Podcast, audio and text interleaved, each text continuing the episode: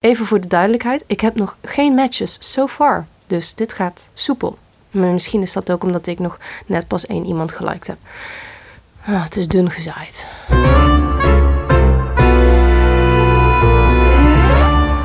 Je hebt een paar drankjes op met je Tinder date. De date is wel af.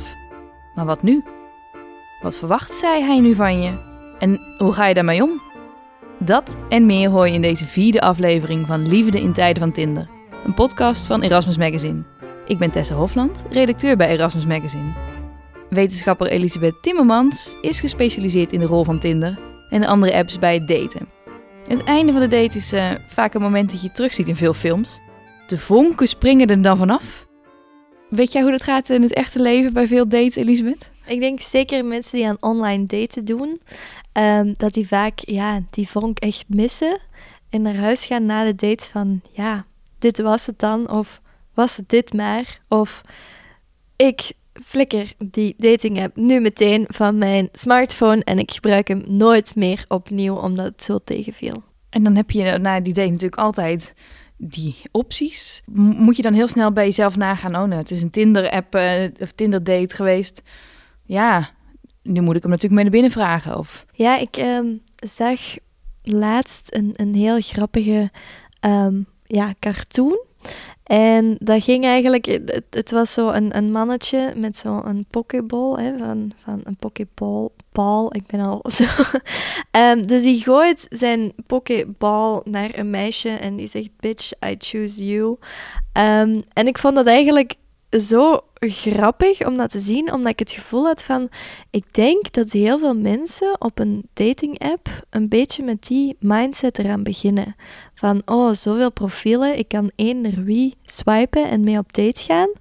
Maar als ze dan ja, een gesprek hebben of op date gaan, dat ze eigenlijk beseffen van, ja, online daten wordt vaak zo gezien als, als shoppen. Hè? Van, ja, je kan eigenlijk um, gaan window shoppen, je kan met één wat thuiskomen, maar het ding is eigenlijk van, ja, je wilt wel iets kopen, hè? je wilt die bal wel gooien, maar die andere persoon moet natuurlijk willen meekomen. En een broek of een trui zal wel meekomen als je die gekocht hebt en als je die kan betalen. Maar een andere persoon heeft natuurlijk zijn eigen voorkeuren, zijn eigen ideeën over hoe de date is verlopen. Dus jij kan het wel heel graag willen, maar als de andere persoon ja, er niet zo over denkt, ja, dan, dan kom je eigenlijk niet veel, veel verder dan een mislukte date. En dan moet je weer aan het swipen slaan. Dus ik denk soms eigenlijk, of dat durf ik zelfs te zeggen, online daten is misschien zelfs nog moeilijker of vraagt nog meer werk, hard work, um, om de liefde van je leven te vinden. En als je dan gewoon op zoek was naar een one-night stand, dan moet je op een hele andere manier communiceren, denk ik. Ja, um, ik vind het wel heel interessant dat je dat nu zegt, want zoals we in de eerste aflevering hebben gezegd, van ja, eigenlijk is maar een kleine groep op zoek naar casual seks. Maar als we dan kijken naar wat komt er van zo'n date, dan zien we wel dat de kans dat je casual seks hebt met je date groter is dan de kans dat je een relatie krijgt met je date.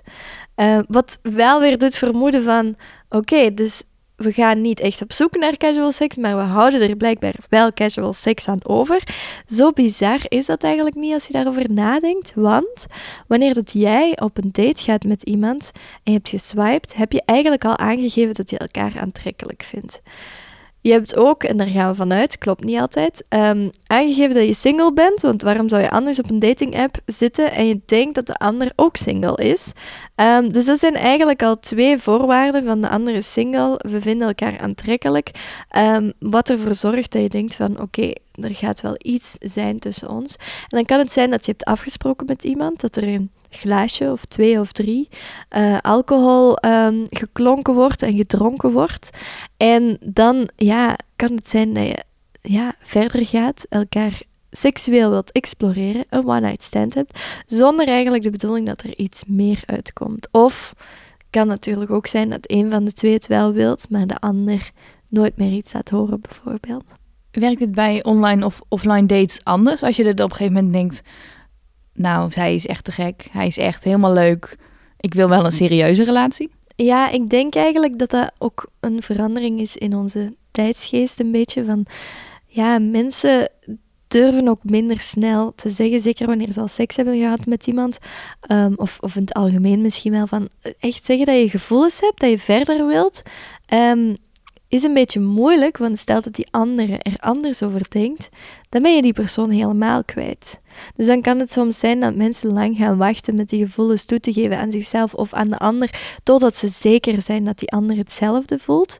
Uh, maar dat zorgt er eigenlijk voor dat je een, een soort relaties gaat creëren die eigenlijk wel een relatie zijn, maar niet zo benoemd worden. En er zijn verschillende woorden voor. In, in alle landen hebben ze verschillende woorden. Het woord dat ik hier regelmatig heb gehoord is prela. Um, dus we zijn een prela, we hebben een prela. Um, dus ja, het is wel een soort van relatie, maar ze zijn toch nog niet helemaal zeker of, of het gesprek is er nog niet van gekomen. Ze doen veel samen, ze hebben seks samen. In sommige gevallen zien ze ook of daten ze niet met anderen, maar ze hebben het gewoon nog geen relatie genoemd. Of het gesprek is er nog niet geweest. Ook altijd het idee dat er nog heel veel schaamte rondom zit. Op Tinder zie je ook nog wel eens van die bio's waar dan in staat van... we vertellen gewoon aan je moeder dat we elkaar in de supermarkt hebben ontmoet. Ja. We grepen tegelijkertijd naar de melk of de spaghetti. Ik denk dat het ook een beetje een generatieverschil is. Dus jonge twintigers zullen zoiets sneller zeggen. Uh, omdat het voor hun natuurlijk is, ze zijn studenten bijvoorbeeld. Ze zitten in een sociaal netwerk um, waar dat ze heel makkelijk heel veel mensen kunnen leren kennen, zonder daarvoor op Tinder of een andere dating app te moeten gaan. Dus de vraag is een beetje van, waarom gebruik je een dating app om op zoek te gaan naar de liefde? Wil dat dan zeggen dat je het offline niet kan vinden? Scheelt er iets met jou? Uh, en vooral die jongere generatie, dus de jonge twintigers, maken zich daar zorgen over of voelen nog een beetje die schaamte daar rond. En dat is dan ook de groep die sneller zal zeggen: Oh, het is maar gewoon om nieuwe mensen te leren kennen. Het is maar gewoon uit tijdverdrijf. Omdat er nog een beetje schaamte zit om te moeten toegeven. Het is echt omdat ik op zoek ben naar een partner. Ook omdat we vinden uh, ja, als je zo jong bent, moet je nog niet bezig zijn met een relatie. Je moet helemaal niet op zoek gaan naar de liefde van je leven, want je bent er nog veel te jong voor. Je moet nu genieten van je studententijd, zoveel mogelijk mensen leren kennen, seksueel exploreren, die zaken, ja. Ik was de campus overgegaan, ik heb wat studenten ook gevraagd.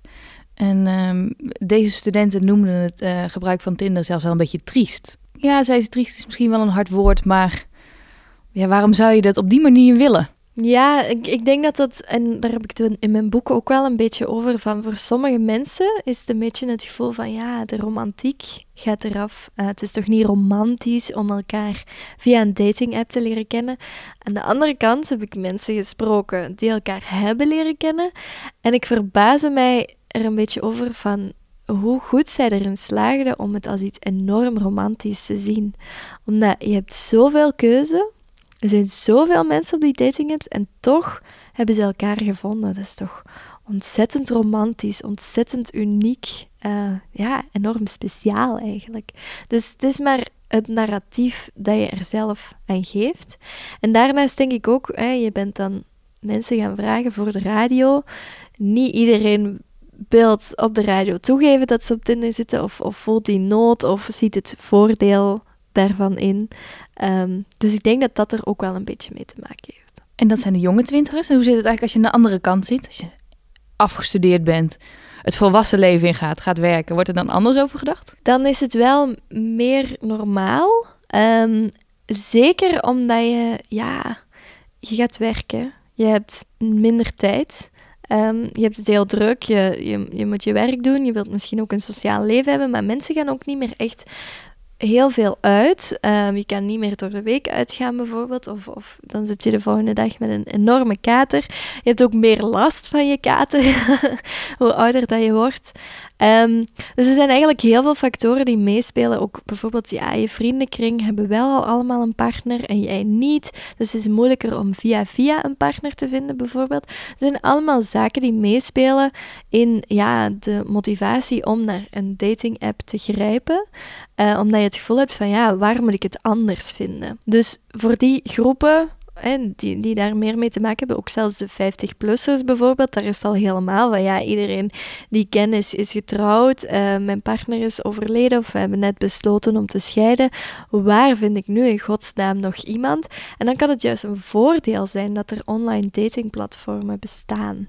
Dus dan is de schaamte misschien gewoon ook minder om het gebruik. Ja, inderdaad. Ik denk dat gewoon het ding is van, ja, ondanks dat de schaamte er misschien niet is, uh, zijn er wel heel veel teleurstellingen, zoals we ook al in de vorige afleveringen hebben aangehaald. Wat ervoor zorgt dat mensen wel gefrustreerd raken van, ik heb het gevoel dat dit de enige manier is om iemand tegen te komen, maar het lukt niet om die en die en die redenen. Of hier en daar loopt het mis, of ik ben super verliefd geworden op iemand, maar die ander voelde niet hetzelfde, dus er is niks van gekomen. Um, dus het is zeker niet dat online dating de enige manier is om iemand te leren kennen. En ook niet de beste, of toch zeker niet voor iedereen de beste manier.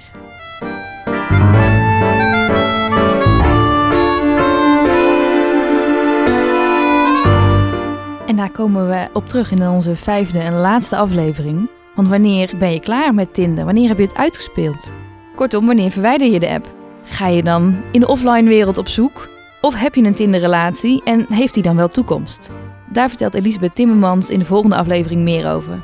Bedankt voor het luisteren en tot de volgende aflevering.